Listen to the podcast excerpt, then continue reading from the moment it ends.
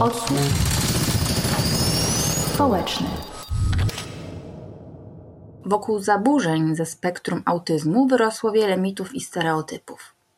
W naszym podcaście poruszaliśmy już ten temat z perspektywy psycholożki, będącej jednocześnie osobą w spektrum.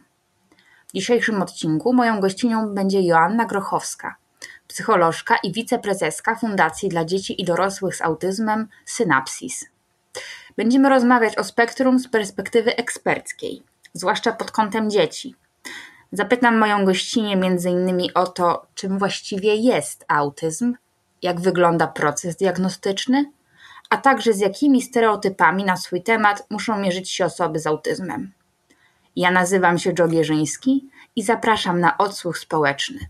To na sam początek e, chciałbym, żebyśmy wyjaśnili temat e, dzisiejszej rozmowy, czyli czym właściwie jest autyzm, bo w przypadku autyzmu mówimy o spektrum i też gdzie w tym wszystkim w ogóle plasuje się zespół Aspergera, jakby mogła Pani wyjaśnić tą terminologię. Postaram się. To jest tak, że e, pojęcie autyzmu zostało wprowadzone do takiej terminologii, nazwijmy to psychiatrycznej, w 1943 roku.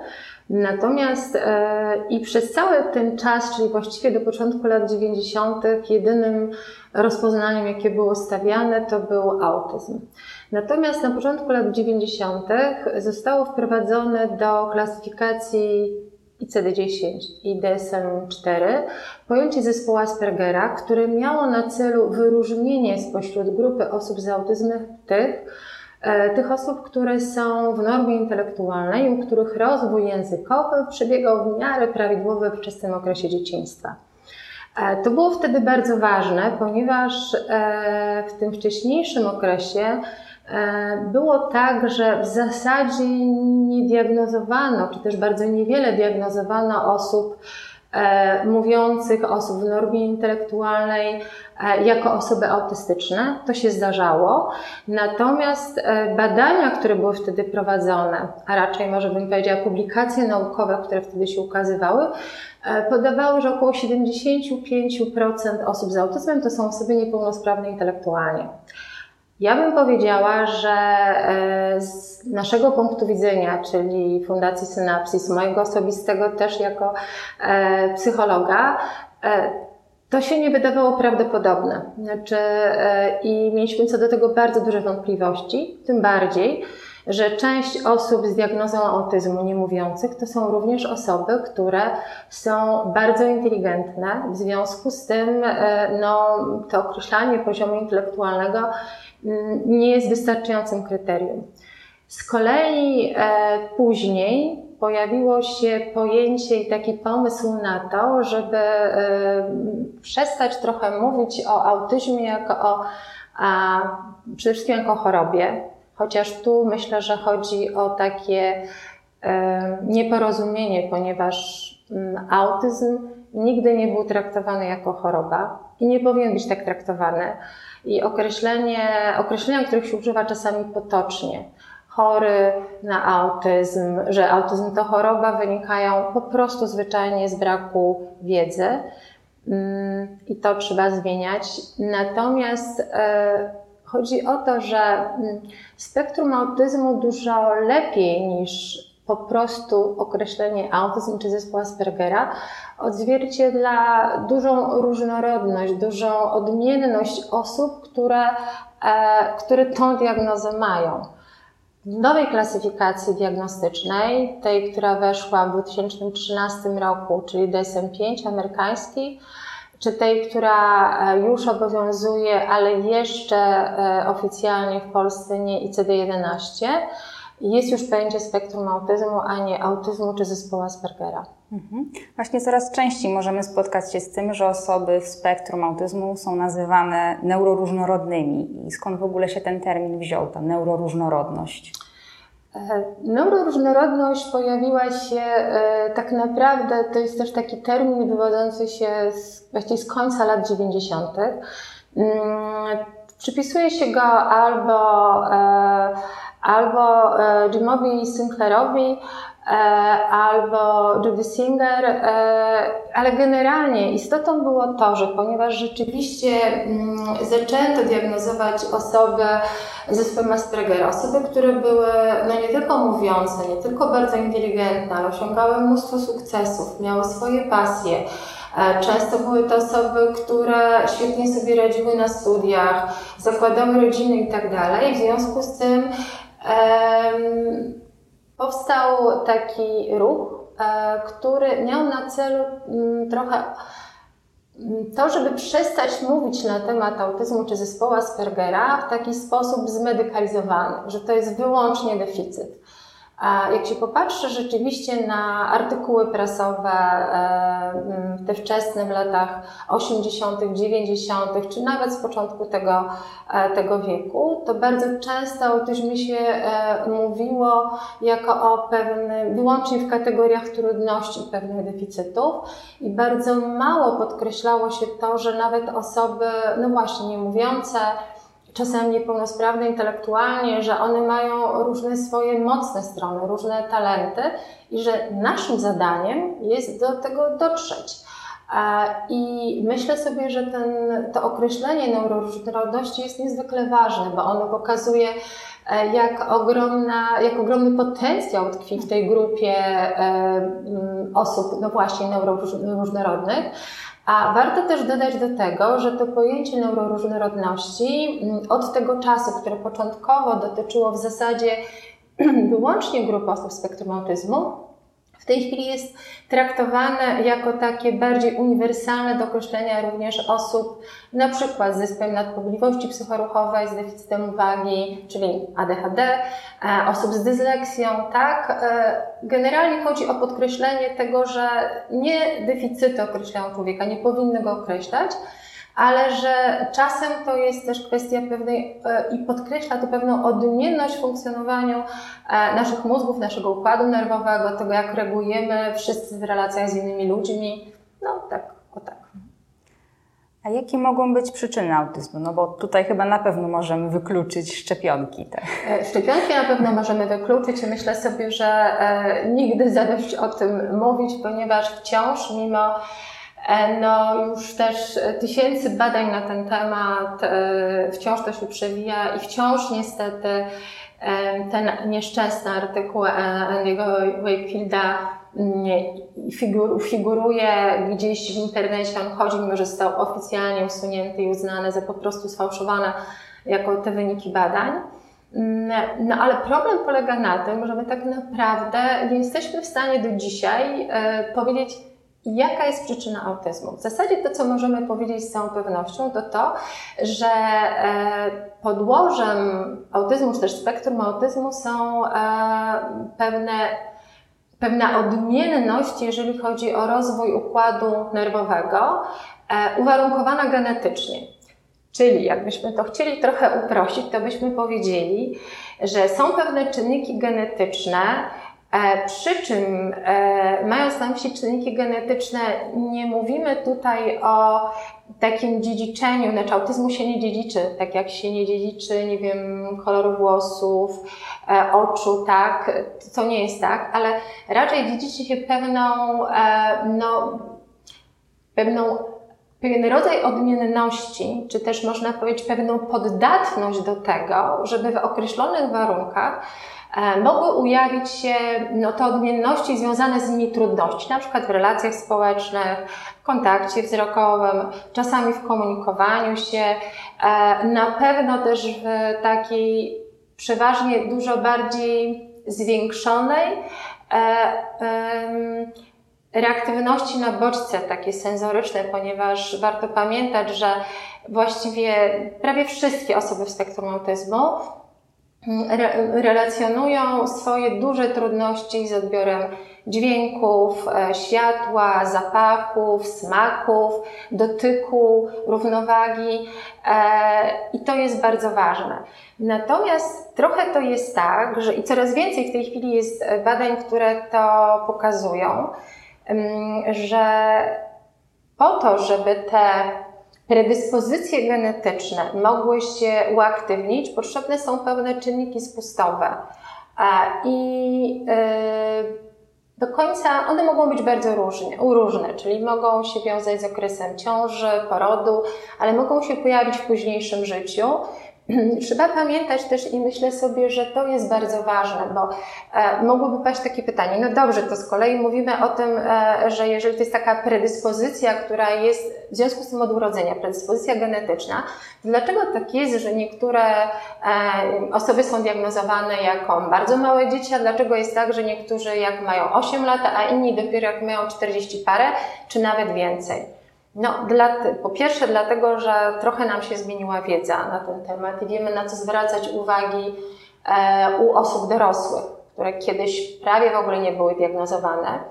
Ale po drugie jest też tak, hmm, że do pewnego momentu, na przykład jeżeli byśmy się posłużyli tym terminem z zespołu Aspergera, to można powiedzieć, że bardzo duża grupa tych, tych dzieci, tych osób, które mia, mają tą diagnozę zespołu Aspergera, E, to są osoby, które przez długi okres swojego życia, dzieciństwa, czasami nawet dorosłości, zupełnie nieźle sobie radziły.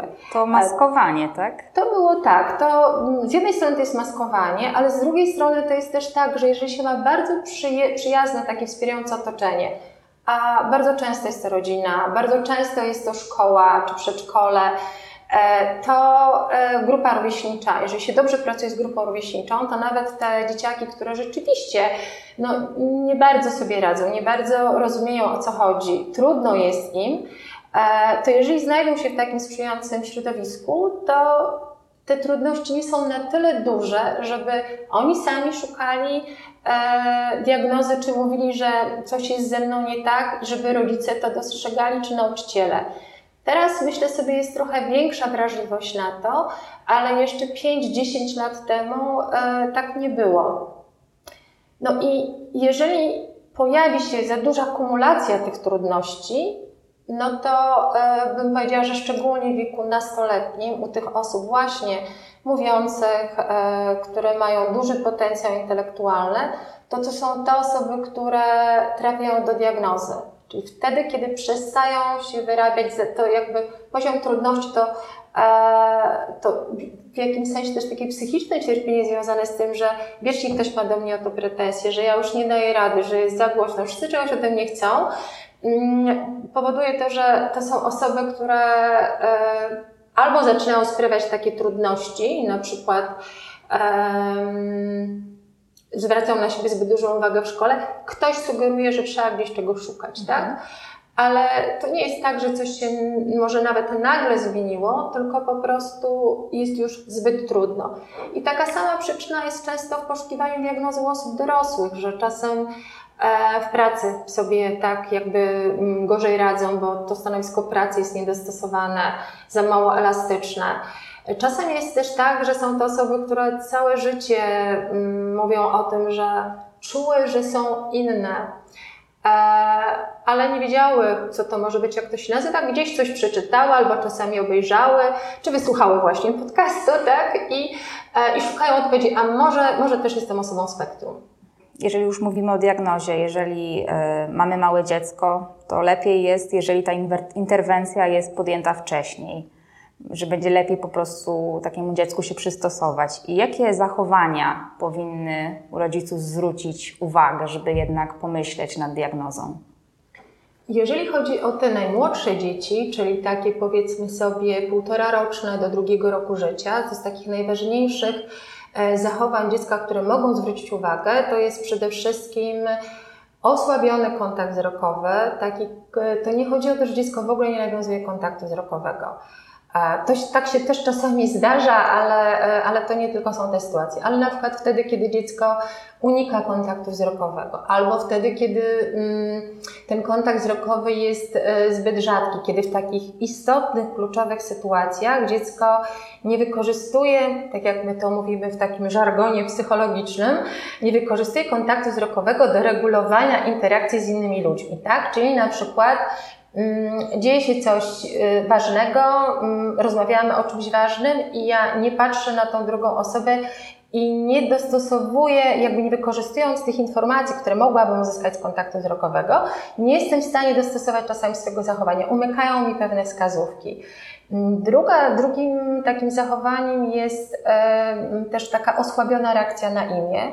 Oczywiście zarówno w przypadku e, kontaktu wzrokowego, jak i reakcji na imię, to co musimy w pierwszym rzędzie wykluczyć, to są problemy ze wzrokiem i problemy ze słuchem. Tak, bo wiadomo, że e, no to, to są takie może e, trywialne rzeczy, ale to po prostu trzeba zrobić.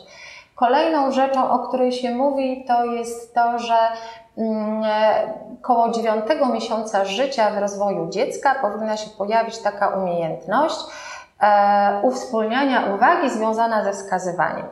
No, jak małe dziecko chce czegoś, albo chce pokazać, że coś jest dla niego ważne, to najczęściej to jest taki moment, że wyciąga palec i pokazuje, tak? To chce, albo o, zobacz, tam jest coś ciekawego. Przynosi też rodzicowi różne rzeczy, żeby pokazać, bo znalazł na przykład kwiatek, tak, który zerwie, wymiętoli go, zanim on przyniesie tak do rodziców, e, ale chce mu to pokazać i sprawdza też reakcję rodzica. Mm, badania pokazują, że u dzieci, u których później diagnozowane jest spektrum autyzmu, najczęściej e, jeszcze to takie wskazywanie palcem mm, po to, żeby coś uzyskać, na przykład picie, zabawkę, e, jedzenie, e, tak, to się pojawia, ale już takie, żeby podzielić się swoim zainteresowaniem, że to jest właśnie coś ładnego, to jest interesujące, już niekoniecznie i że to takie dzielenie się zainteresowaniem jest e, też znacznie bardziej osłabione. W konsekwencji, ponieważ mówimy tutaj o malutkich dzieciach, bo to się powinno pojawiać jeszcze przed ukończeniem mm, przez dziecko e, roku, to mamy takie sytuacje, w których jeżeli dziecko mm, nie ma naturalnie takich mechanizmów, to zwyczajnie ono nie jest się w stanie w taki sposób, w jaki e, ta większość tak, tych, e, tych dzieciaków jego wieku, nauczyć się na co zwracać uwagę, co jest ważne, albo że to jest też taka ważna umiejętność. To się potem będzie przekładało na relacje z dorosłymi, z rówieśnikami przede wszystkim. Mm, no i jeszcze jedna jest taka rzecz, która, e, o której się pisze bardzo często i która zwraca uwagę, to są tak zwane zabawy na niby, czyli udawanie, że e, nie wiem, kamyczek może być e, kotletem, albo kamyczek może być mydełkiem, albo może, można udawać, że się rozmawia przez telefon, nie mając w ogóle tego telefonu. E, to jest też taka umiejętność, która się pojawia u dzieci przed ukończeniem przez nie 18 miesiąca życia. W związku z tym uznaje się, że jeżeli w 18 miesiącu życia lub później tych umiejętności nie ma, to są to takie sygnały ostrzegawcze. To nie oznacza, że dziecko jest spektrum, bo wszystko to można próbować wytłumaczyć innymi czynnikami mm, i trzeba to zrobić, zanim się diagnozę postawi, ale na pewno powinien być to taki, powinno się rodzicom coś w głowie zapalić, skonsultujmy dziecko, a jeżeli ta diagnoza będzie potrzebna, ona zostanie postawiona i trzeba też myśleć o tym w ten sposób, że ta diagnoza e, nie ma na celu etykietowania dziecka. To w ogóle nie o to chodzi. Ale jeżeli ona jest, to zwiększa się szansa, że dziecko rzeczywiście dostanie pewnego rodzaju dostosowania. Problemem jest to, że one niestety w naszym systemie, zresztą nie tylko w Polsce, ale koncentrujmy się może na tym, co jest u nas w kraju, e, nie zawsze są odpowiednio dobierane do dziecka. I to jest znaczący problem, ale przynajmniej istnieje ta szansa. Nie ma też żadnego obowiązku ujawniania, rodzice nie ma obowiązku ujawniania tej diagnozy nigdzie, e, natomiast sami mogą, korzystając z różnego rodzaju książek, wskazówek, próbować e, tak postępować z dzieckiem, tak się z nim bawić, żeby po prostu dać mu większe szanse. Jeżeli już rodzice zdecydują się na tą diagnozę, to jak taki proces diagnostyczny wygląda? Czy jest on też inny u dorosłych niż u dzieci? Tak, on jest inny u dorosłych niż u dzieci. U dzieci y, to jest przede wszystkim tak, to jeszcze zależy od wieku dziecka, ale jeżeli mówimy o małych dzieciach, to jest tak, że jest zawsze zbierany wywiad z rodzicami, jest prowadzona co najmniej jedna, najczęściej dwie lub trzy obserwacje dziecka, żeby je zobaczyć w różnych sytuacjach, żeby to nie było przypadkowe. W sensie takim, no wiadomo, że dziecko może przyjść, może być nowe miejsce, może mu się nie podobać, tak? Więc e, i na to może zareagować. Może zareagować na przykład zbyt lękowo, e, zbyt dużym wycofaniem. Więc ważne jest, żeby nie stawiać rozpoznania po jednorazowej obserwacji dziecka, bo to jest po prostu nieuczciwe. W tej chwili coraz powszechniejsze staje się korzystanie z takiego mm, narzędzia, to jest protokół obserwacji ADOS 2. To jest wystandaryzowane narzędzie, które zawiera szereg takich prób, które są dosyć jasno opisane i dosyć jasno jest, jak one mają być przeprowadzone i oceniane, aczkolwiek jest to wciąż w ramach takiej swobodnej aktywności z dzieckiem. Mm, I e, to jest takie narzędzie pomocne. Ono nie może być podstawą diagnozy. Czyli jeżeli dziecko uzyska wynik na podstawie e, tej obserwacji z wykorzystaniem ANDOS-2 Mm, że jest w spektrum autyzmu, to nie znaczy, że mm, naprawdę ta diagnoza powinna zostać postawiona, e, bo jeszcze trzeba wziąć pod uwagę różne inne informacje. I tak samo, jeżeli ten wynik jest, że dziecko jest, czy osoba jest poza spektrum, ponieważ e, wiemy o tym i na to pokazują doświadczenia nie tylko nasze, ale myślę sobie, że z wielu ośrodków i też z badań, że ADOS-2 mimo wszystko nie będzie wyłapywał pewnej grupy dzieci czy osób dorosłych. No i ostateczne rozpoznanie po zapoznaniu się z informacjami od rodziców, z obserwacji dziecka, po własnym badaniu dziecka, e, czyli rozmowie albo zabawie z dzieckiem, stawia lekarz psychiatra, też po analizie dokumentacji. Czasami korzystamy w przypadku dzieci z nagrań, na przykład z terenu domu. Jeżeli rodzice przychodzą i mówią, no ale e, on czy ona się tak nie zachowuje w domu, E, no to my prosimy o nagrania, tak? Wszystko jedno, w którą to jest stronę, czy to jest tak, że dziecko u nas się zachowuje lepiej, bo pani umownie prawie staje na głowie, tak, żeby tylko przyciągnąć uwagę dziecka. No i czasami rodzice mówią, no to pani mi teraz nie wierzy, że, że to tak jest. No nie, tak, w domu tak może być. E, I od, ale może być też odwrotnie, że w domu dziecko robi wiele rzeczy, a u nas nie robi. Temu służą nagrania z różnych miejsc. Jeżeli mamy do czynienia ze starszymi dziećmi, szczególnie z nastolatkami, to dużo większą rolę będzie odgrywała rozmowa, również wywiad, jeżeli są to osoby mówiące lub komunikujące się na tyle, że można od nich zebrać informacje. E, dużo większą rolę będą to odgrywały informacje bezpośrednio od osób e, diagnozowanych I o właściwie z nastolatkami czy z osobami dorosłymi powinien być przeprowadzony wywiad, który jest równie ważny jak wywiad z rodzicami. Jeżeli są dorosłe osoby, to dla nas, jeżeli, bo są takie sytuacje, że dorosły sobie może nie życzyć, tak? E, żeby w tym brali udział rodzice, ale może mogłoby wziąć udział któreś z rodzeństwa, albo partner czy partnerka, tak? Ktoś, kto jeszcze może coś wnieść. Jeżeli nie, to trudno. Ale te informacje z różnych źródeł są bardzo cenne. Mm, zawsze jest kwestia wykluczenia innych problemów, innych trudności czy innych powodów, dla których e, dziecko czy osoba dorosła może się tak czy inaczej zachowywać. I to jest taka podstawowa różnica, tak? Czyli ten, ten nacisk na to, co jest też po stronie nastolatka, osoby dorosłej i te aspekty rozmowy. Zresztą też w diagnozowaniu nastolatków i osób dorosłych większą rolę odgrywają na przykład narzędzia kwestionariuszowe, mm, E, czy w ogóle takie badania testowe, bo po prostu możemy z nich korzystać, przynajmniej u pewnej grupy, tak? Mhm. Tutaj jest zarówno kwestia mm, tego, żeby wykluczyć inne trudności, ale też, żeby określić w razie czego, że to spektrum autyzmu współwystępuje z innymi mhm. trudnościami. Właśnie, o to chciałem się dopytać, bo mówiła Pani o wykluczaniu innych trudności. Jakie to są trudności, które mogą współwystępować z autyzmem? Czy też, jak to się mówi, być tą maską autyzmu, że przez wiele lat na przykład osoba nie jest zdiagnozowana, bo przypisuje się jej trudności innym zaburzeniom. Mm, to jest bardzo różnie, to się też bardzo zmienia. Swego czasu e, było tak, że bardzo wiele dorosłych osób, które mniej w Polsce, w tej chwili w Polsce zaczęły się ukazywać też książki takie autobiograficzne, ale mm, wcześniej to były głównie książki zagraniczne.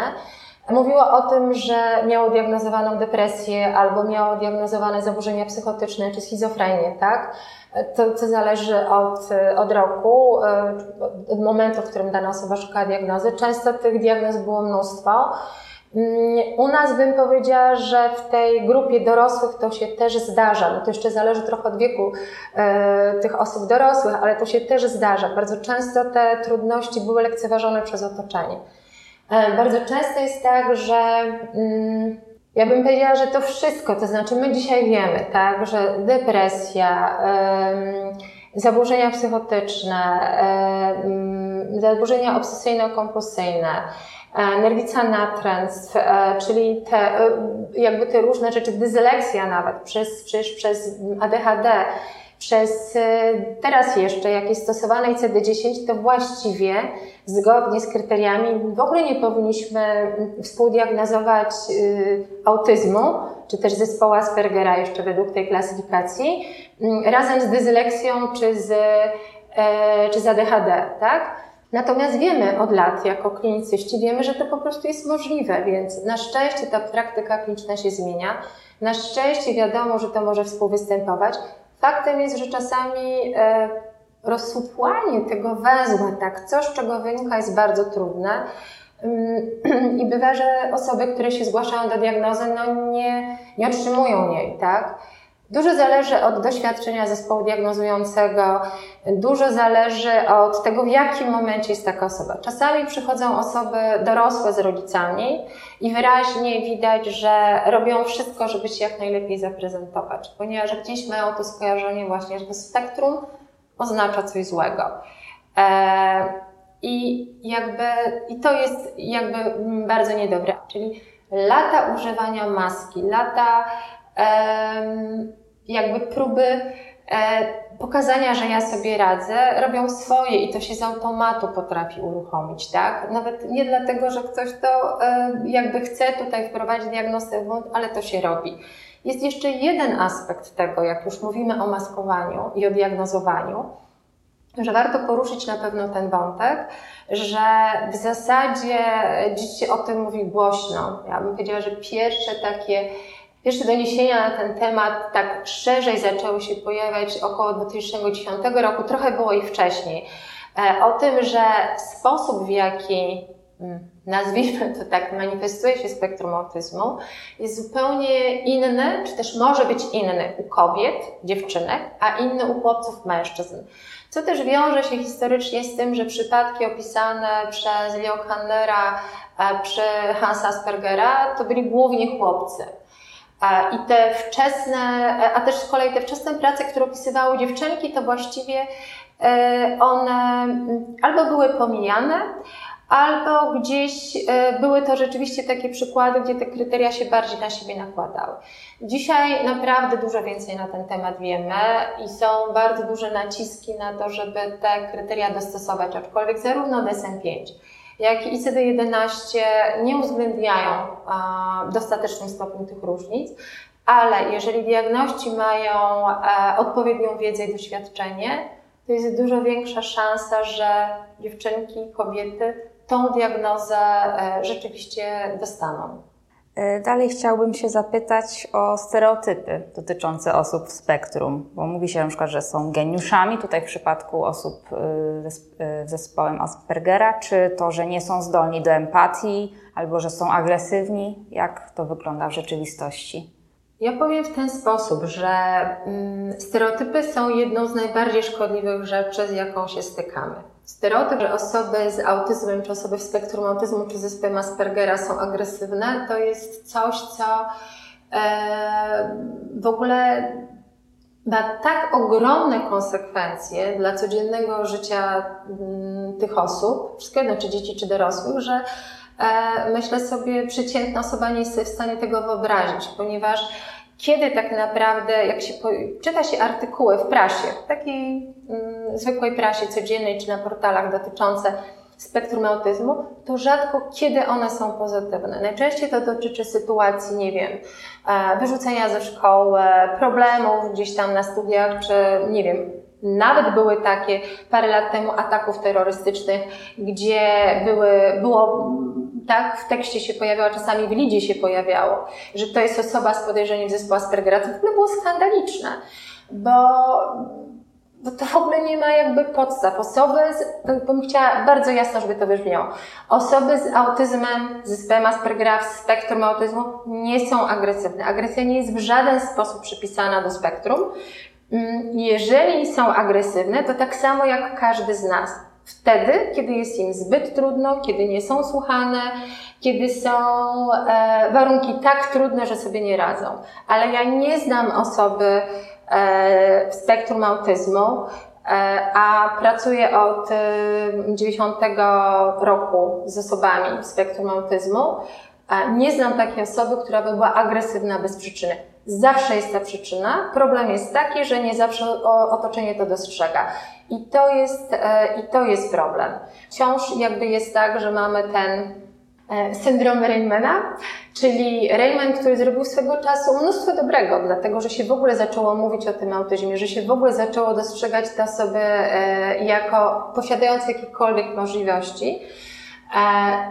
I wciąż uważam, że jest to dobry film. Z drugiej strony, do dzisiaj jest tak, że jak często zdarza mi się rozmawiać z dziennikarzami, to proszą o przykłady osób właśnie takich, e, które są super zdolne.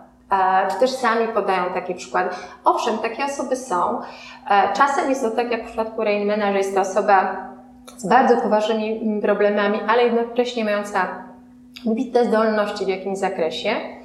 Czasem są to osoby po prostu z ponadprzeciętną inteligencją, chociażby taki jak Daniel Tammet, tak?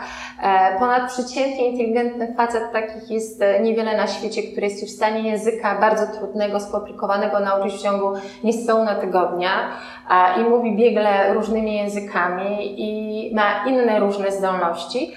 E, I okej, okay, takie osoby się zdarzają, ale takie osoby się zdarzają właściwie w każdej grupie. E, również, tu bym chciała powiedzieć, wśród osób niepełnosprawnych intelektualnie zdarzają się osoby, które mają wybitne zdolności w jakimś zakresie, które akurat nie są mierzone testami inteligencji. E, I nie można uważać, że tak ma każdy, więc to jest to rozczarowanie, które niektórym towarzyszy, no jak to, ma autyzm czy ma zespół Aspergera i nie jest w czymś wybitny, no, może nie jest, a może to jest jeszcze tak, że nie odkrył tego swojego talentu, albo myśmy go nie odkryli, bo to też czasami tak jest. E, a czasami e, rzeczywiście, ja bym powiedziała szczególnie o tych osób, które są niemówiące, które mają taki głębszy poziom zaburzeń i spowodowanych tym trudności, dotarcie do tego potencjału, do e, tych możliwości bywa zwyczajnie dużo trudniejsze. I e, jest również nieprawdą, że osoby z autyzmem nie czują emocji, czy też nie są w stanie odczuwać empatii. A z całą pewnością tak, czasami może nawet za bardzo, pytanie, czy to jest, jeżeli chcemy porównać to do takiej, nie wiem, zwykłej osoby, przeciętnej osoby neurotypowej, czy ten mhm. proces mhm. przebiega tak samo, no to pytanie nie umiem odpowiedzieć. Ale na pewno krzywdzące jest odmawianie im e, odczuwania emocji i krzywdzące jest twierdzenie, że tej empatii nie odczuwają. Ja myślę sobie, że e, to, co bardzo może pomóc e, innym osobom w zrozumieniu tej istoty, to to jest po prostu przede wszystkim czytanie wypowiedzi samych osób w spektrum. Ja bym tutaj mogła podać takie dwa przykłady, dwa przykłady książek, które się e, ukazały mm, niedawno. Jedna to jest książka, właściwie dwie można powiedzieć, to są książki E, polskie, wydane e, u nas w Polsce niedawno. To jest książka Ewy Furgo, Dziewczyna w Spektrum o niej, a druga książka e, znakomita, i ta jest, to jest taka książka, którą po prostu można w księgarni kupić albo trzeba zamówić, ale druga książka, która jest wydana w ramach projektu, więc ją można też pobrać ze strony, to są pasjonatki.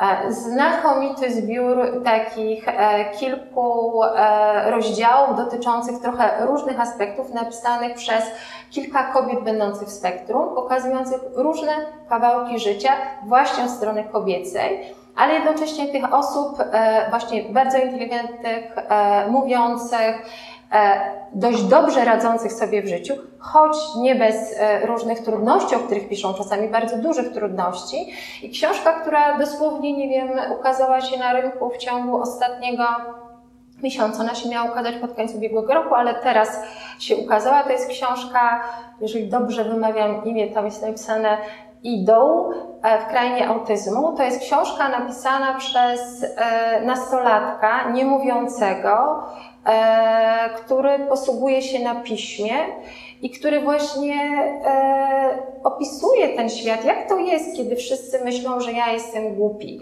kiedy wszyscy uważają, że to, że ja nie pokazuję emocji na twarzy, to znaczy, że ja nic nie przeżywam. Jak to jest dramatycznie krzywdzące.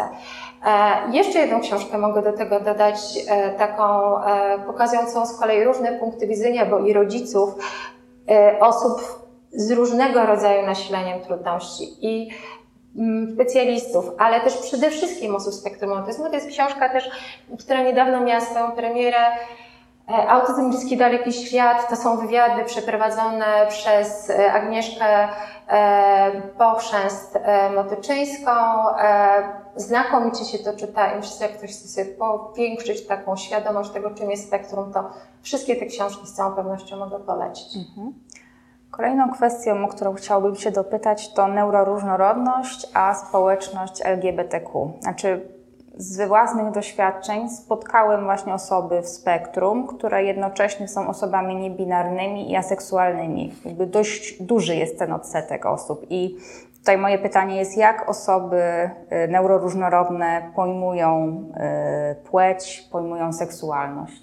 Jak, jakie są badania na ten temat? Czy są prowadzone badania na ten temat? E, badania są różne prowadzone na ten temat, natomiast ja bym powiedziała, że te badania e, nie do końca są reprezentatywne, ponieważ najczęściej to są badania, które są prowadzone na grupie osób chętnych, często internetowo, co z góry jakby wyklucza z tej puli osób badanych no, znaczącą ich część. Z tego powodu zresztą w tych badaniach internetowych w ogóle jest taka tendencja do tego, że częściej uczestniczą w nich e, kobiety lub też osoby, które deklarują się, tak, że odczuwają a, swoją płeć jako taką płeć kobiecą niż, e, niż mężczyźni. Ale rzeczywiście jest tak, że coraz więcej e, badań pokazuje, mm, że wśród osób w spektrum autyzmu jest e, bardzo duża grupa osób, które u których ten podział taki binarny, tak, czyli mamy mężczyznę, mamy kobietę, e, okazuje się nieprawdziwy, nieprzystający do tego, jak one się czują. I e, dla części z nich jest to niezwykle ważne. My dostajemy na przykład z prośbą o diagnozę e, maile, które e, tak, jakby są podpisane przez mężczyzna, ponieważ przy rejestracji musimy podać te dane, które są w dokumentach, no to mamy, że, że to jest kobieta, ale to jest kobieta, która chce, e, tak, czuje się, czuje się mężczyzną, w związku z tym My, to, co jakby jest w papierach, to jest jedno, ale to w jaki sposób my powinniśmy się zwracać do, do tej osoby, jak ona by tego oczekiwała, no to, to jakby my to musimy uszanować. To jest bardzo trudne, bo myślę sobie, że e, nie zawsze jest to takie e, niestety dla wszystkich łatwe i oczywiste. Z kolei ja znam też grupę osób w spektrum autyzmu, która ma bardzo radykalne poglądy e, na, e, na seksualność, na płeć, to bym powiedziała z obu stron, czyli również takie osoby z autyzmem, które no, bardzo radykalnie się wypowiadają e, jakby przeciwko takim innemu sposobu myślenia, innemu sposobowi myślenia, przepraszam, niż jeżeli chodzi y, tylko w kategoriach takich binarnych. Więc myślę sobie, że to jest tak samo jak w ogóle w społeczeństwie znowu.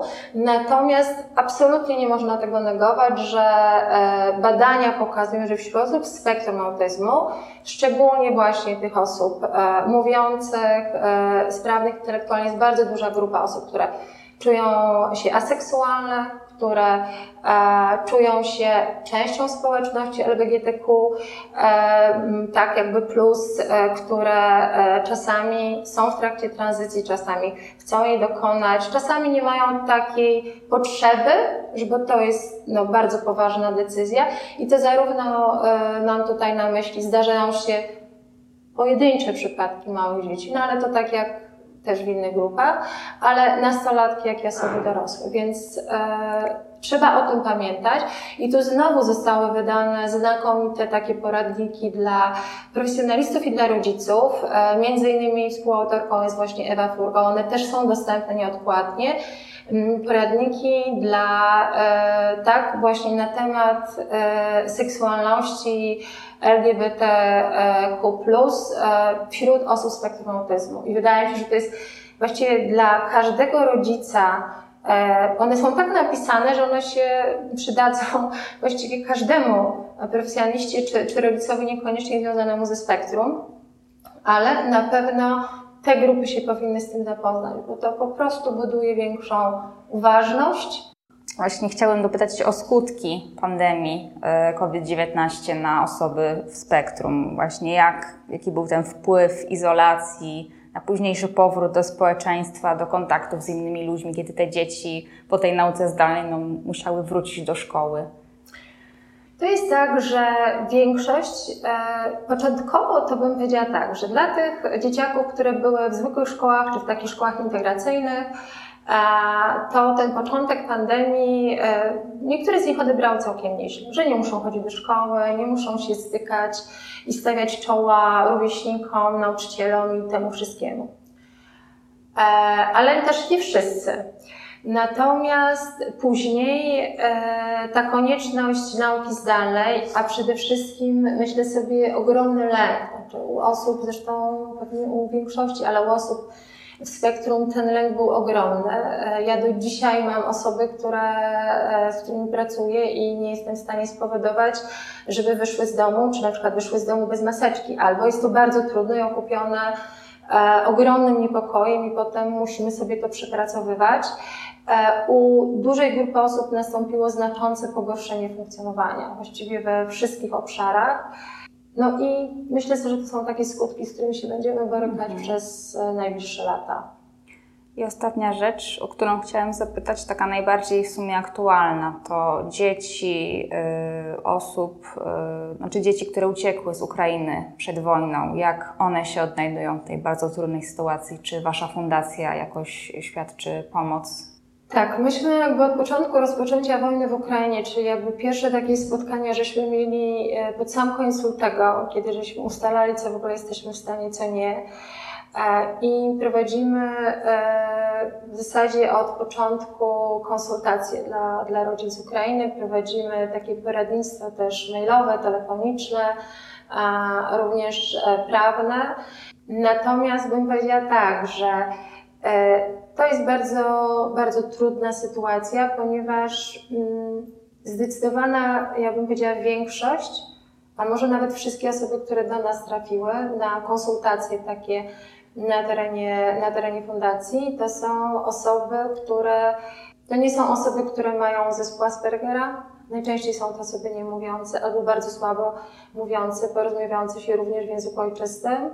I to są osoby z bardzo dużymi trudnościami, które e, kompletnie dla nich, myślę, że dla każdej osoby, która ucieka przed wojną, to jest problem, ale dla osób w spektrum, dla których przewidywalność, jasność, przywiązanie do miejsca, do swoich rzeczy jest e, jeszcze większe niż dla każdego z nas, e, to są w ogóle niewyobrażalne rzeczy. I my widzimy z jednej strony, że to jest grupa, która, znaczy, może powiem w ten sposób. Bardzo rzadko nam się zdarzało w ciągu ostatnich lat widzieć tak głęboko zaburzone osoby, żeby do nas trafiały do środka. Oczywiście mamy takie, ale nie tak masowo. Robimy co możemy, większość tego robimy w ogóle wolontarystycznie, w związku z tym e, liczymy też zawsze na jakieś projekty, na jakieś wsparcie. Jak będą, to dobrze, jak nie, to po to jesteśmy też, żeby po prostu działać. Dobrze, ja bardzo dziękuję ja Pani za, za ciekawą rozmowę. Odsłuch społeczny.